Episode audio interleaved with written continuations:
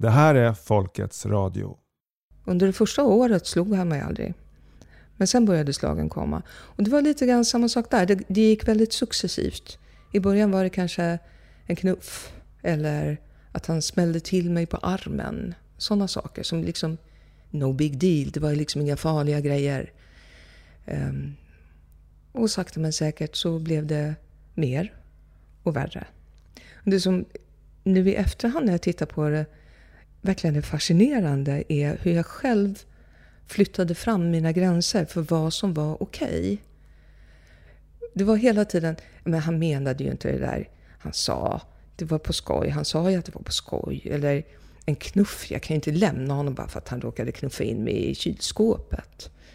Um, och efter en tid så var det att ja, men jag har ju inte hamnat på sjukhus. Då är jag ju inte misshandlad. Det blev liksom... Jag, jag kunde, om någon hade frågat mig då ifall jag levde i en misshandelsrelation så hade jag skrattat och sagt nej. För i min värld så var jag inte misshandlad för jag hade ju inte lagts in på sjukhus.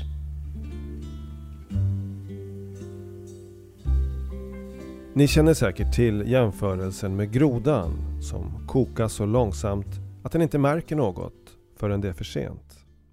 I det här programmet ska vi prata om den normaliseringsprocess som sker i en destruktiv relation såväl som i ett samhälle som rör sig i totalitär riktning. Vi människor är otroligt anpassningsbara. Eh, jag tror att vi är en av de mest anpassningsbara arter som finns på den här planeten. Eh, och det är ju fantastiskt för att det hjälper oss överleva. Att vi kan äta både animalisk och vegetabilisk föda, att vi kan leva i kalla och varma klimat och så vidare. Det är ju toppen. Men det har ju också en baksida. Det är att vi kan anpassa oss och vänja oss vid saker som vi egentligen inte mår bra av. Vid saker som inte är okej. Okay. Och det, det är ju det som händer i en misshandelsrelation och det är också det som jag upplever händer i samhället i stort nu. Och ikväll är det tydligt att det kommer att dröja innan vi kan återgå till det normala. The new normal is going to be better. Thank you very much. I think 2022 will be the year in which many of us settle into a new normal. A new normal. Embrace your new normal. But we're at a fork in the road between the best and the worst possible outcomes. This will be the new normal. This will be the new normal. This will be the, will new, be normal. the new, the new normal. Ja, bara det faktum att man pratar om det nya normala är ju en jättestor varningsklocka för mig. Vad då för nya normal? Varför skulle vi inte vara nöjda med det som har varit normalt tidigare? Varför ska vi skapa ett nytt normalt? Jag upplever att vi har drillats väldigt hårt i lydnad, i foglighet och eh, vi har levt under konstant hot. Hot om att bli sjuka, hot om att inte få ha kvar våra jobb, hot om nu på senare tid eh, elpriser och bensinpriser och hot om Eh, elavbrott och hot om ryssar och kärnvapenkrig. Eh, hot är någonting som vi har blivit väldigt vana vid i detta nya normala. So I want to talk to you today about the future of our species and really the future of life. Och enligt världsledande transhumanister som Yuval Harari ska vi vänja oss vid tanken på att människor och organiskt liv är föråldrat. We are probably one of the last generations of Homo sapiens. Man normaliseras in i att tro att det finns inga alternativ. Eh, jag kan inte göra någonting. Eh, och Harari och många andra pratar om att det här är en naturlig del i vår mänskliga utveckling. Att ja, det är oundvikligt. Det, här, det är ju liksom den här vägen vi går. within a century or two, Earth will be dominated by entities that are more different from us than we are different from Neanderthals or from chimpanzees.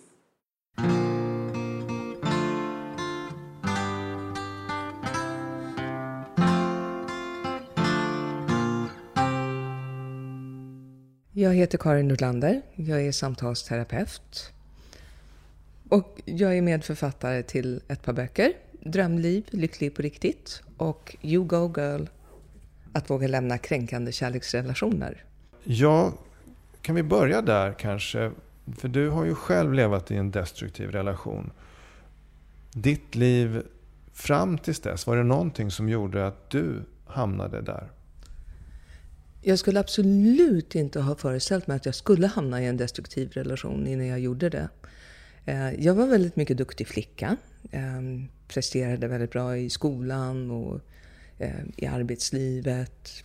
Jag, jag var självsäker och stark och glad och aktiv. Ehm, så min bild som jag hade förr av vem som hamnar i en misshandelsrelation, den stämde ju inte alls in på mig. Nu efteråt så kan jag se att mycket av så som jag fungerade, det var faktiskt det som gjorde att jag också hamnade i en destruktiv relation. Duktigheten som jag hade, viljan att vara till lags och eh, min djupa empati för människor. Jag ser och vet nu att alla de sakerna är sånt som man får se upp med. Om man har mycket duktighet, om man har mycket empati, ja, då är man i riskzonen. Det finns ju ett sånt här uttryck, eh, troféflicka. Att man liksom i sin uppväxt inte får villkorslös kärlek. Utan den är liksom villkorad så att man alltid är duktig. Man är den här duktiga. Man kanske spelar fiol eller är bra på gymnastik eller är bra i skolan och sådär. Att man, om man, om man har en, fått en djup villkorslös kärlek så kommer man inte acceptera kränkande beteenden på samma sätt. Ligger det någonting i det också? Mm, jag tror det ligger väldigt mycket i det. Eh, jag växte inte upp med villkorslös kärlek. Ehm, den var väldigt villkorad och jag försökte alltid som barn att få uppmärksamhet och kärlek. Det var framförallt min pappa som var väldigt frånvarande och ointresserad av mig. Ehm, så jag tror, inte för att jag fattade det då, men jag tror att jag försökte få hans kärlek och uppmärksamhet genom att bli väldigt duktig. Och nej, jag spelade inte fiol, jag spelade piano. Men ja, annars stämmer den där beskrivningen väldigt bra in på mig. Ja, eh, berätta då, vi tar det från början. Hur, hur eh, inleddes den här relationen? Jag blev blixtförälskad. För han var snygg och han var så himla charmig och karismatisk. Och när han då var intresserad av mig så var det jackpot. Det var verkligen, jag var så lycklig. Jag var så förälskad. The first time ever I saw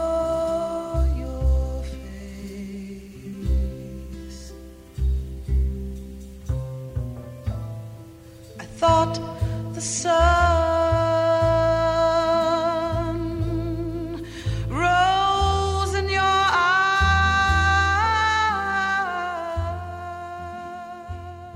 Och i början, då var det fantastiskt. Han var annorlunda på många sätt och eh, utmanade mitt sätt att tänka och mina värderingar på ett sätt som jag tyckte var väldigt uppfriskande.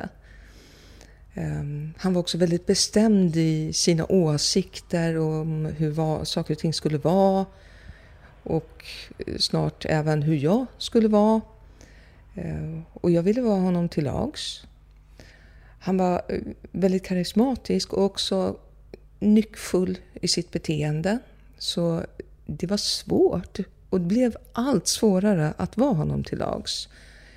Och mer och mer så märkte jag hur eh, mitt liv började gå ut på att anpassa mig till att vara så som han ville att jag skulle vara.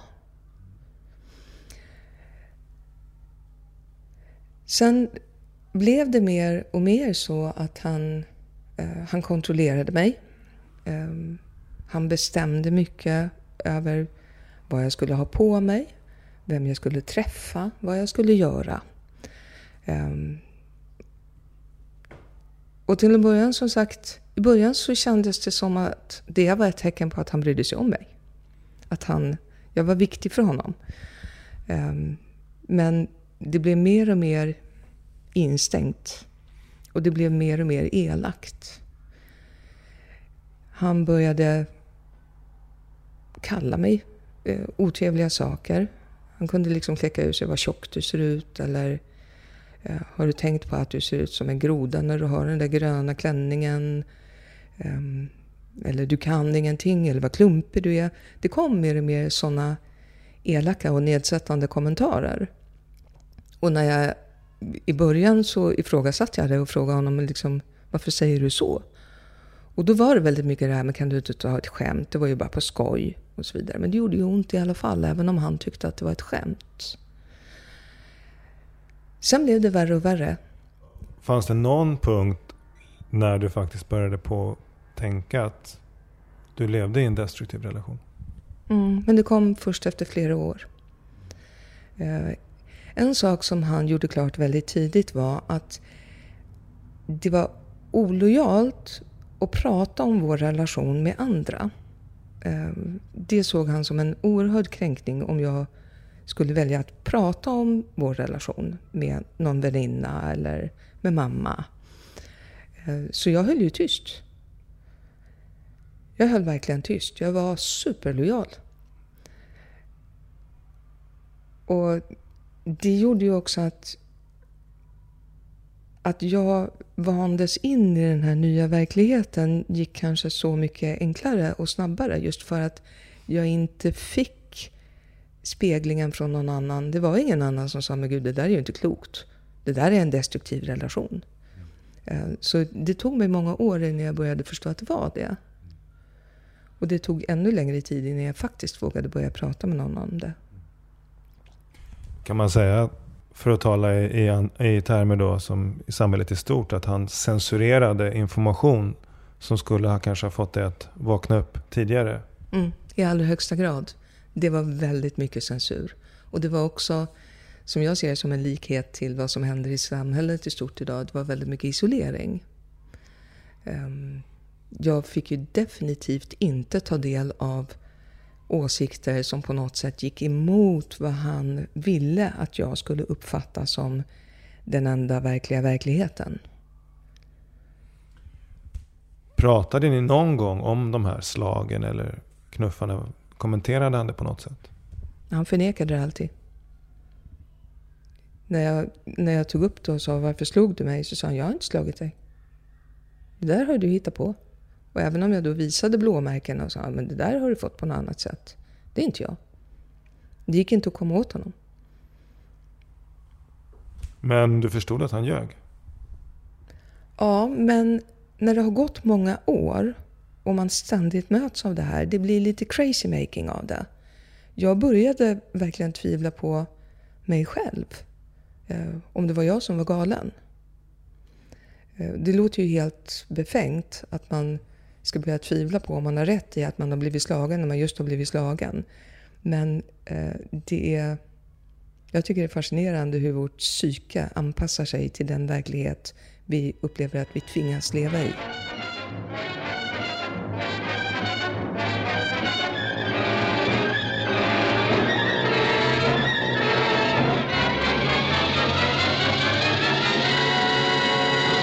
Ordet gaslighting kommer från Hitchcocks klassiska thriller Gaslight från 1944.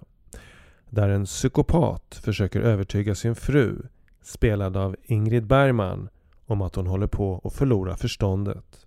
But what? Gregory, what? Oh, please don't turn your back on me. What has happened?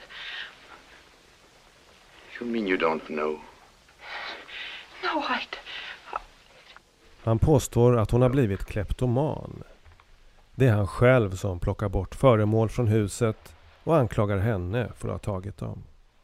Will you please get it from wherever you've hidden it and put it back in its place? Som när han gömmer en tavla. I swear I haven't. Why should I? Why should... Don't look at me like that. What makes you do these crazy, twisted things? Gregory, are you trying to tell me I'm insane? It's what I'm trying not to tell myself.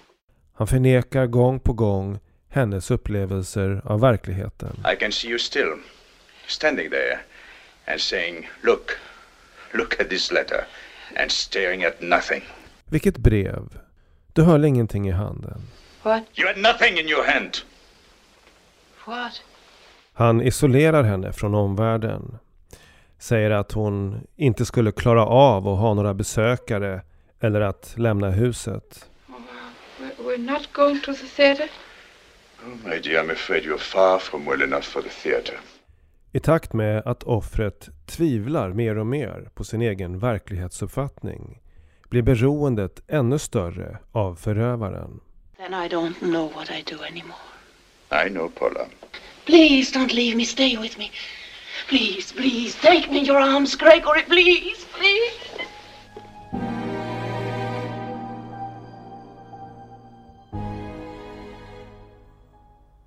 Jag befann mig i vardagsrummet och han var i köket. Och så plötsligt så kommer han ut och tar stryptag på mig. Och han är jättearg. Och har det jag kallade sina svarta ögon. Eh, och när han hade så här svarta ögon, då visste jag att då gick det inte att nå honom. Det gick inte att prata eller diskutera, för han var liksom inte, han var inte där. Um, så det var oerhört skrämmande. Och jag svimmade och eh, han sparkade på mig den gången också. Och sen efteråt så frågade jag honom varför han hade slagit mig. Och då svarade han att han blev så irriterad på mig för att jag hade varit i vägen för honom i köket. Men jag hade ju inte varit i köket. Och där försvann marken under fötterna verkligen på mig för att då insåg jag att det finns ingen verklighet att förhålla sig till. Jag kan inte göra någonting för att undvika eller förebygga att bli slagen. För att alla rationella lagar och regler är borta. De finns inte.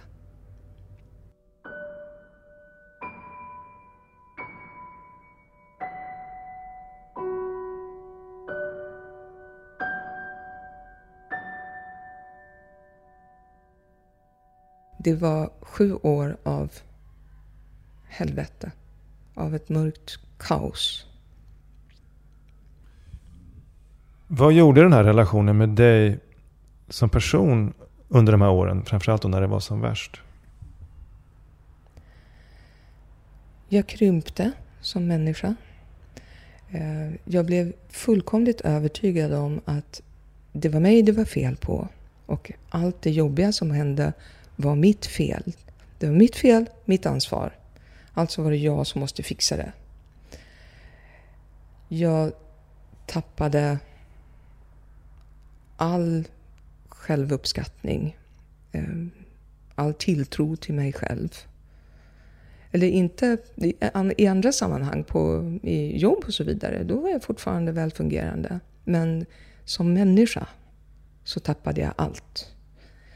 Ehm, jag tappade känslan av mening med livet. Det var, allt handlade bara om att överleva, om att uthärda och att hitta sätt att anpassa mig till den tillvaro som var den enda tillvaron. För det var så jag upplevde det. Ehm, jag tog väldigt mycket skada av den här relationen. Ehm, jag, jag tror personligen att det var mycket på grund av den långvariga psykiska press jag levde under. Att det var därför jag utvecklade MS senare. Var det en så kallad av och på-relation? Kunde han mellan varven då vara trevlig, rent av be om förlåtelse, komma med blommor eller hur, hur var det på den fronten?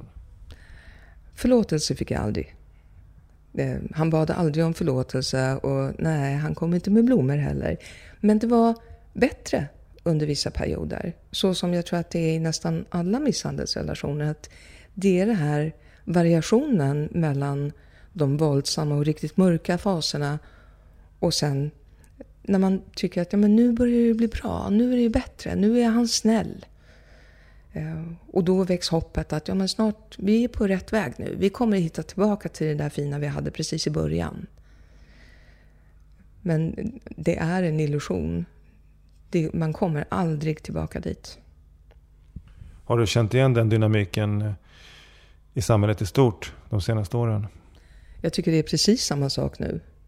Det, vi får allehanda restriktioner och hot och eh, pålagor som vi ska följa. Och sen, åh, nu har frihetens dag kommit. Nu får vi gå på krogen igen. Nu får vi sitta vid samma kafébord. Och nu ska vi vara så glada. Och då får vi den här upplevelsen om att ja, men nu är vi tillbaka till det vanliga. Nu börjar det bli bättre igen. Det är precis samma sak. Um, och det är precis lika förrädiskt som när man är i en misshandelsrelation. Vi ska absolut inte tro att det är på väg att bli bättre nu. Det är en illusion.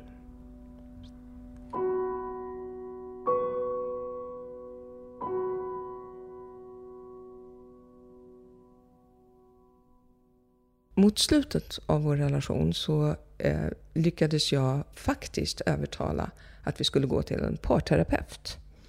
Det gjorde vi. Um, och jag talade aldrig om, i, när vi gick i parterapi, att jag blev misshandlad. Men vid ett tillfälle, då tar han upp att han var besviken på mig för att han hade fått ont i foten en gång när han sparkade mig i ryggen. Och jag hade inte tröstat honom.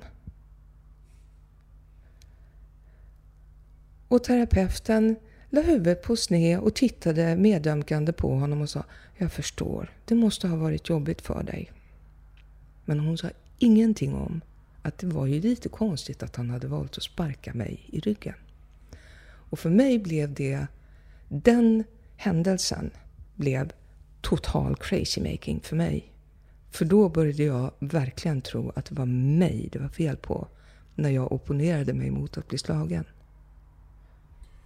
Och när och hur kom då vändpunkten som gjorde att du faktiskt bestämde dig för att lämna den här relationen?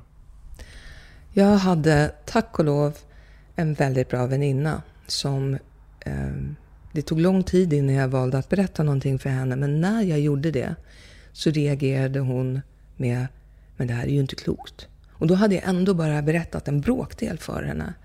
Hon sa, men det här är ju helt galet. Det där ska du ju inte gå med på. Det där är sjukt. Du blir misshandlad. Och för mig var det väldigt skrämmande eh, att hon reagerade så, men också en väckarklocka. Jag fick äntligen den här, som jag ser det nu, sunda speglingen på vad det var jag befann mig i. Eh, och hon var väldigt stöttande.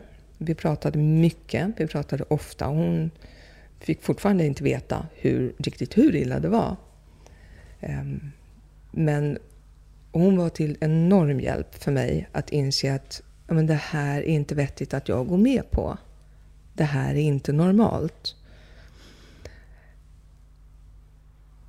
Jag tror att det var det som väldigt mycket var, var min vändpunkt. Att jag hade samtalen med henne.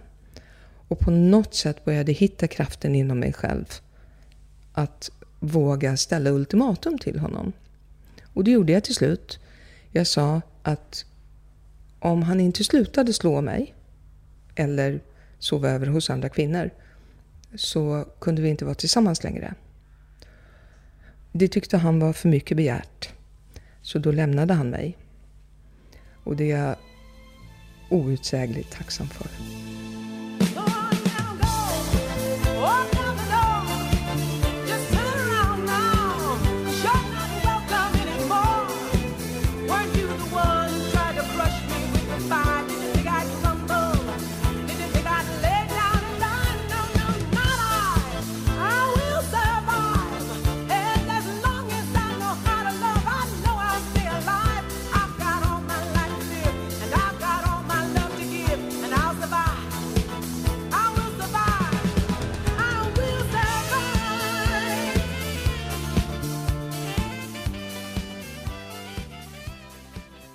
Normaliseringsprocessen den börjar ofta väldigt försynt och mjukt. Ehm, för en lyckad normaliseringsprocess behöver tid på sig. Ju mer tid man ger normaliseringsprocessen, desto mer lyckat resultat utifrån misshandlarens perspektiv alltså. Det första tecknet brukar vara olika former av kontroll. Ehm, Ofta förklätt i omtanke.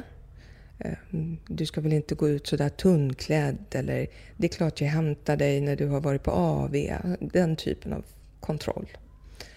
Ehm, som blir mer och mer dominant och otrevlig vart efter tiden går. Och till slut så handlar det om en total kontroll av vem man är, vad man gör, vad man säger, vad man tänker. En annan viktig ingrediens i normaliseringsprocessen är isoleringen. Ehm, för att om jag som offer eller misshandlad, eller man ska nu, vad man nu ska kalla det, om jag får för mycket intryck och spegling från andra, då är det inte så lätt att styra mig. Om jag har en massa vänner som säger att men du, det där ska du inte gå med på, då är det inte lika lätt att styra mig. Så Eh, min partner var ju supersmart i att säga att det är inte lojalt att prata om vår relation, för då höll jag tyst. Och isoleringen är också i form av en man polariseras mot sina vänner, mot sin familj. Din mamma är så dominant, hon är så otrevlig, hon lägger sig i. Eller din väninna, hon är ju dum i huvudet och vilken bimbo och så vidare. Så att man själv ska känna att Nej, men då, jag vill inte ha med de där människorna att göra. Jag vill inte att min mamma ska trycka ner mig eller att jag hamnar i dåligt sällskap tillsammans med min väninna. Ehm, så isoleringen är både att inte få ventilera och ehm, prata om sina känslor och upplevelser. Men också att man blir polariserad ehm, och ensam på det sättet.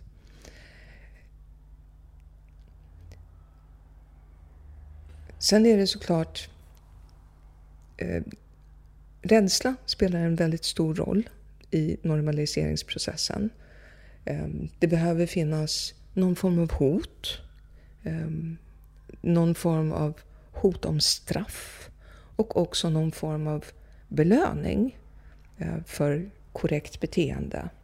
Så morot och piska-grejen är ehm, väldigt påtaglig i normaliseringsprocessen.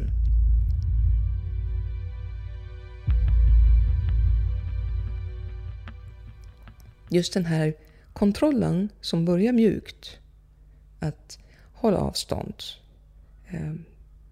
Får jag bara skjuta in en fråga där. Vad fick du för spontana vibbar när du hörde statsminister Magdalena Andersson säga Ta en krampaus från människor som du inte är absolut säker på att de har vaccinerat sig. Det är psykiskt våld. Det är precis vad det är. Det är psykisk misshandel. Och det kände jag redan från början faktiskt. När pandemin kom och ingen riktigt visste vad corona var. Ehm, och det, det gick ut eh, information om att man skulle låta bli att kramas. Min känsla redan då var det är något som inte stämmer. Aldrig någonsin tidigare har vi uppmanats att inte vara nära varandra, att inte bry oss om varandra bara för att det går ett virus. Det är klart att man med sunt förnuft låter bli att krama någon som hostar och snorar alldeles väldigt. Det, det sitter det sitter i oss, det vet vi instinktivt att nej, men, man kramas inte om någon, om någon nyser och hostar. Men någon som är frisk? Varför skulle jag inte krama någon som är frisk? Det stämmer inte.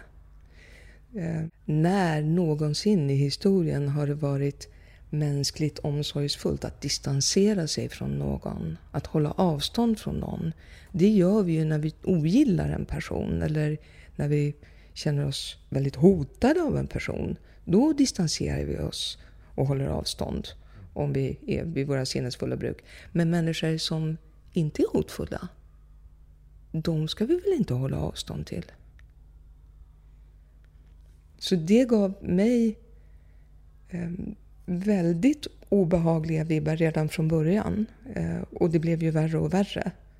Eh, och när till och med vår statsminister går ut och uppmanar folk att distansera sig från en viss grupp av befolkningen som om de vore pestsmittade. Eh, det, det är bara misshandel. Det finns inget annat ord för det.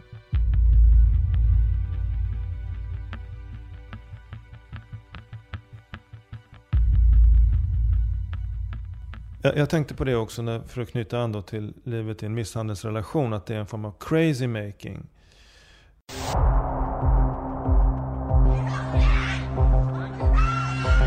The Italian government tonight put the entire country on lockdown. COVID 19 can be characterized as a pandemic. We will be suspending all travel from Europe. From Italy this evening, it just gets worse. The effects of climate change can be seen all around, from raging wildfires to catastrophic flooding. Extreme weather events, they continue to ravage the planet. The world needs to start preparing for the possibility of a climate endgame. Det är inte längre så att vi agerar fritt utifrån våra liv. Utan vi reagerar hela tiden på en verklighet som vi blir matade med. This is the battle for Kharkiv.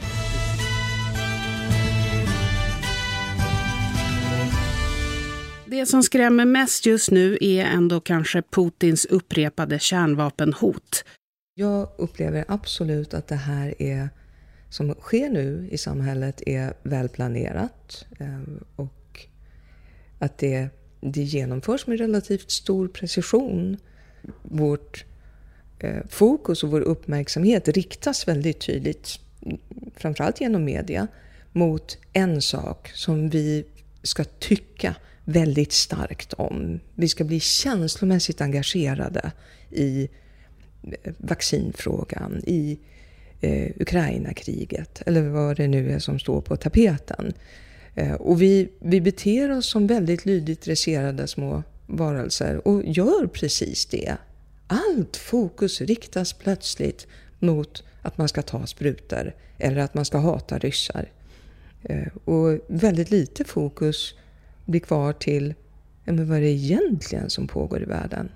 Vi får så fullt upp med alla dessa hot och all skrämselpropaganda som vi utsätts för. Att vi hinner inte annat än reagera. Det, det är som att någon sparkar en boll på oss konstant. Och vi måste ducka. Vi hinner inte tänka att vi ska bli offensiva i vårt spel. Vi, vi, bara måste hantera att det kommer bollar från höger och vänster på oss. Ehm, och det, det är precis som i en misshandelsrelation. Där handlar det bara om att förhålla sig till det destruktiva. Man hinner inte börja tänka på, ja, men ska jag ha det så här överhuvudtaget? Är det här vettigt? Ehm, och det är precis det som jag upplever sker i samhället. Att vi, vi blir nästintill hypnotiserade till att ha ett fokus och ett känslomässigt engagemang i en viss riktning. Så att vi inte lägger märke till vad som händer i övrigt. Och där, det här med skärmar är jättespännande tycker jag. Hur de påverkar oss. För att vi tar in och vi påverkas mycket mer än vi själva vill tro av det vi läser och ser och tar del av på mm, sociala medier, i tidningar och TV och så vidare. Det formar vår verklighet, det vi får läsa. Det är inte bara att det formar våra åsikter, utan det formar hur vi tror att världen ser ut. Och när det vi får veta och ta del av via våra skärmar är väldigt riktat och ehm, kanske långt ifrån vad som egentligen är sant så får vi alltså en väldigt skev verklighetsuppfattning. Det förstärks ytterligare av att vi har allt mer börjat leva våra liv i en virtuell värld. Och den världen, det är en simulerad verklighet. Och skaparna av denna simulerade verklighet blir ju duktigare och duktigare på att eh, göra den attraktiv och göra den verklighetstrogen. Eh. Jag, jag bara skjuta in en intressant, väldigt intressant resonemang. Jag tänker också på det med normaliseringsprocessen. Att, alltså vi har ju eh, väl etablerat i samhället att det är, fel, det är dåligt med droger. Det får ju barn lära sig redan i mellanstadiet. Att beroendeframkallande är skadligt. Här har vi att göra med den kanske mest beroendeframkallande drogen av alla. skärmarna. Eh, och som drabbar alltså barn ner i småbarnsåldern sitter med det här. Och ingenstans i samhället finns det egentligen någon bromskloss. Någon, någon form av motrörelse eller motvikt mot det. Som att man kanske i skolan eller på arbetsplatser pratar om att det här är ett jättestort problem med det här beroendet.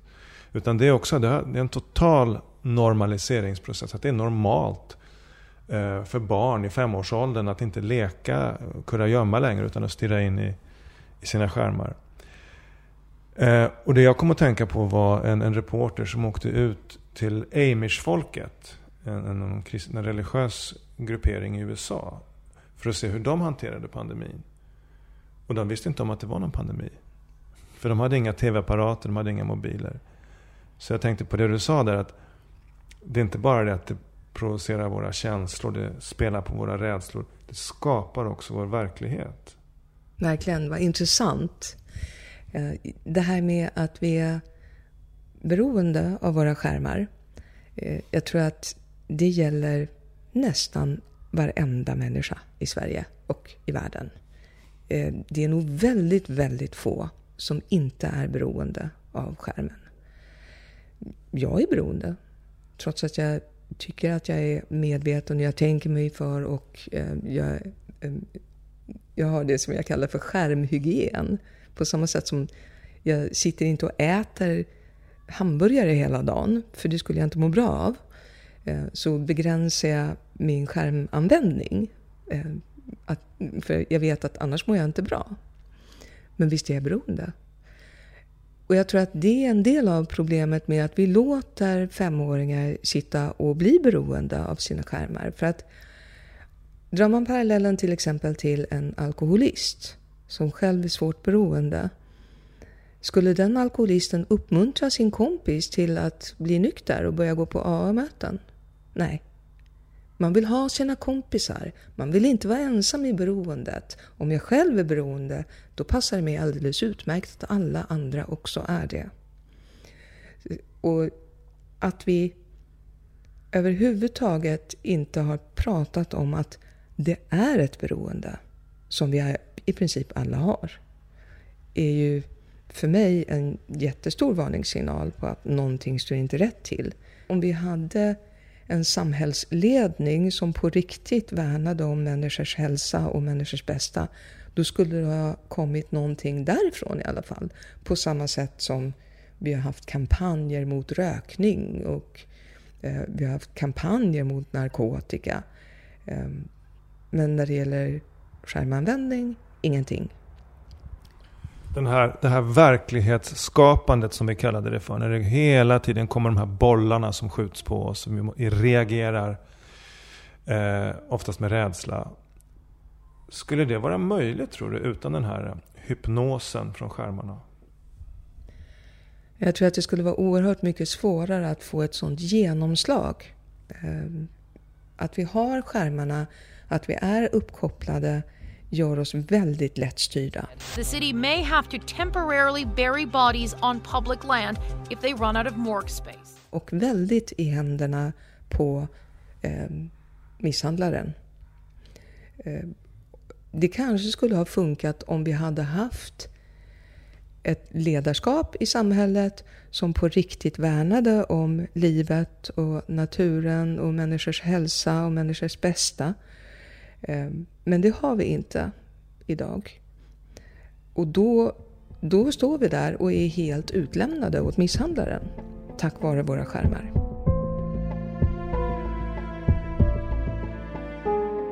Vad är det då för ny verklighet som vi normaliseras in i?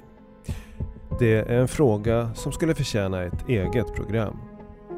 Men två tydliga exempel. Man håller på att införa en digital valuta. Den så kallade nya järnridån är bara en kuliss i det sammanhanget. Ryssland ska införa sin digitala rubel redan nästa vår. När euron blir digital har inte offentliggjorts ännu. They, they try and reassure people. They say, oh, we won't be replacing cash. Journalisten Kit Knightley, här intervjuad i TNT Radio, they also said they wouldn't make vaccines mandatory, and they didn't. They simply made it much, much easier to function if you're vaccinated than if you're not. What they'll do is they'll introduce the central bank digital currency and they won't refuse to take cash, but taking cash will have like an extra payment on it for the processing, or it will, it will involve a delay in your order, or it will involve some kind of small inconvenience. Formellt, säger han, blir digital valuta inte obligatorisk. Det sa man även om vaccinerna. Men man gör det så obekvämt att stå utanför att de flesta väljer att ta sprutorna. Och han tror man kommer göra likadant med digital valuta. That people simply get used to avoiding. I'll just use the CBDC. It will be quicker.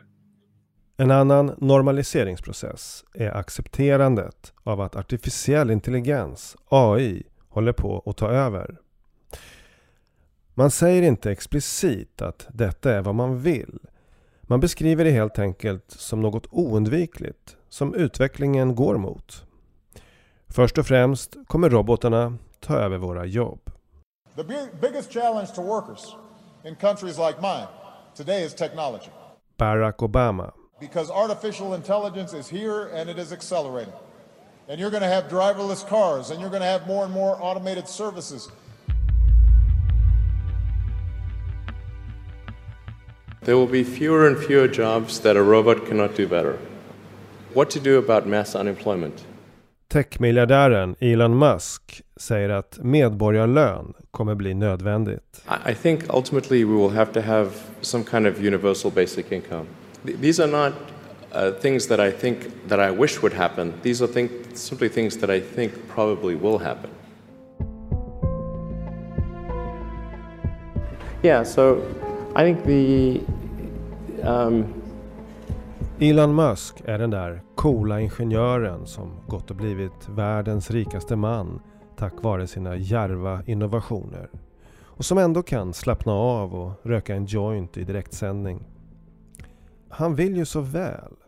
Det är bara att vissa skeenden är oundvikliga. If you assume any rate of advancement in AI, um, we will be left behind by a lot. Um, if you have ultra intelligent AI, um, we would be, you know, so so far below them in intelligence that it would be would be like, you know, a pet basically. Cat, that's what I was like a thinking, pet, cat, a like cat, the cat. like a cat. It would Elon be like the a house cat, cat. Yeah, it would be like the house cat. Människan kommer vara så underlägsen den artificiella superintelligensen att vi i bästa fall blir som dess husdjur. Vi kan ju hoppas att AI behandlar oss snällt som vi behandlar vår gulliga katt. Men det bästa vi kan göra enligt Musk är att koppla ihop oss med denna överlägsna intelligens. Annars blir vi helt enkelt överflödiga.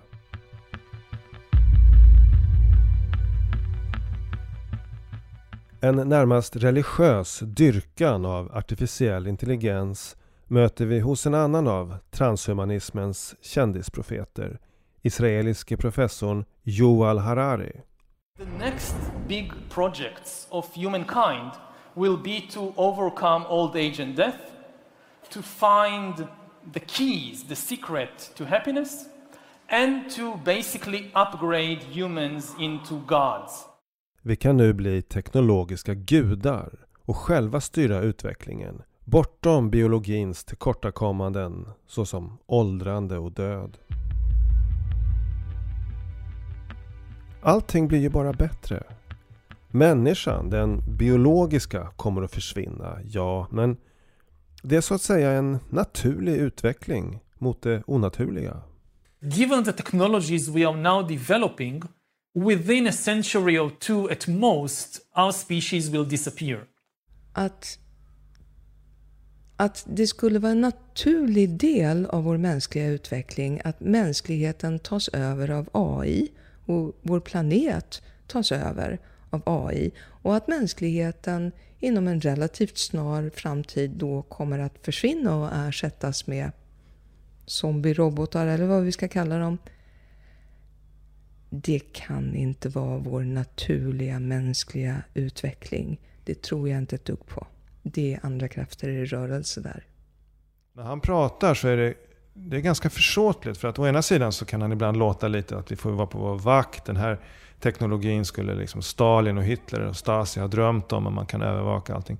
Men så är det hela tiden som att det är oundvikligt. Han beskriver ett scenario dit vi är på väg. Han säger att om hundra år så kommer det inte finnas några människor längre. Det är ingenting som vi kan på något sätt välja vår framtid utan att här är den vägen mot framtiden som vi går mot. Det är väldigt um, deterministiskt.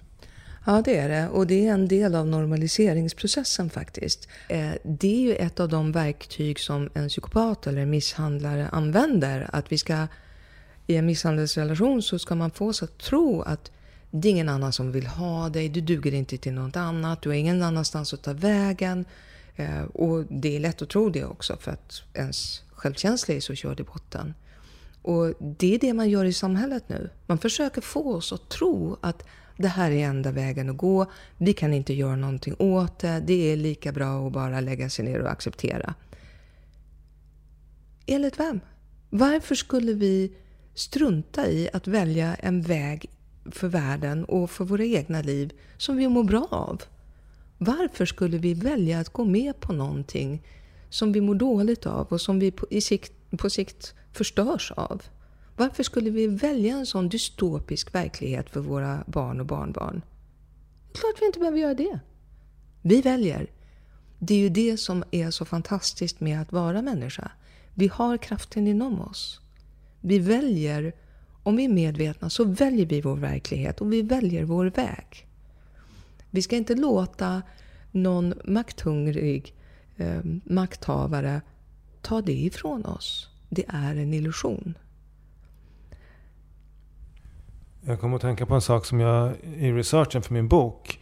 Så ursprunget till ordet kättare betyder ju heretic på engelska. Det kommer från grekiskans hairesis, hur man uttalar det. Som betyder att välja. Precis det du säger. Fantastiskt. Så en kättare är någon som har valt sin väg? Exakt. Ja men precis. Låt oss bli kättare.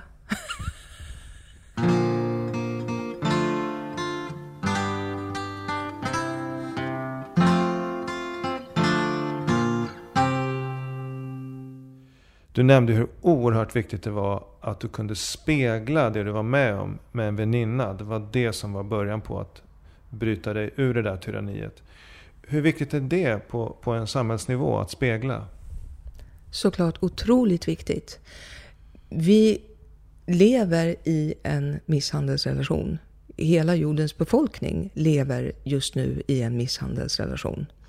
Eh, det, likheterna är så påtagliga att det nästan är skrattätande. Och allt fler människor börjar känna och uppleva att men vänta, det är något som inte står rätt till. Det här, det här är inte riktigt okej. Okay. Det här känns inte bra. Och precis som jag, när jag äntligen började öppna upp och ta, eh, ta mig ur misshandelsrelationen. Det var ju som du säger, det var ju tack vare att jag fick spegla. Att någon annan sa, men det här är ju inte okej. Okay. Det var livsavgörande på riktigt för mig. Det är det för oss nu också. Vi behöver, om vi känner, men vänta, det här, det känns konstigt. Det är något märkligt i det som sker. Att vi vågar säga det till varandra. Och nej, det är inte politiskt korrekt att säga det. Vi har en, ett helt samhälle som försöker få oss att säga att allt är som det ska och det här är vår naturliga utveckling och nya normala och hejsan hoppsan. Men känner vi att något inte är okej okay, så behöver vi bjuda på det till våra medmänniskor. För garanterat, det är många, många fler som börjar känna så än som hittills har vågat uttrycka det. Och ju fler av oss som vågar säga det, det är något som inte är okej okay här. Det är något som inte stämmer desto större kraft får vi att också vända den här utvecklingen så att den börjar gå i en riktning som vi mår bra av. What's that I hear now ringing in my ears? I hear it more and more. It's the sound of freedom calling, ringing up to the skies. It's the sound of the old ways of falling You can hear it if you try. You can hear it if you try.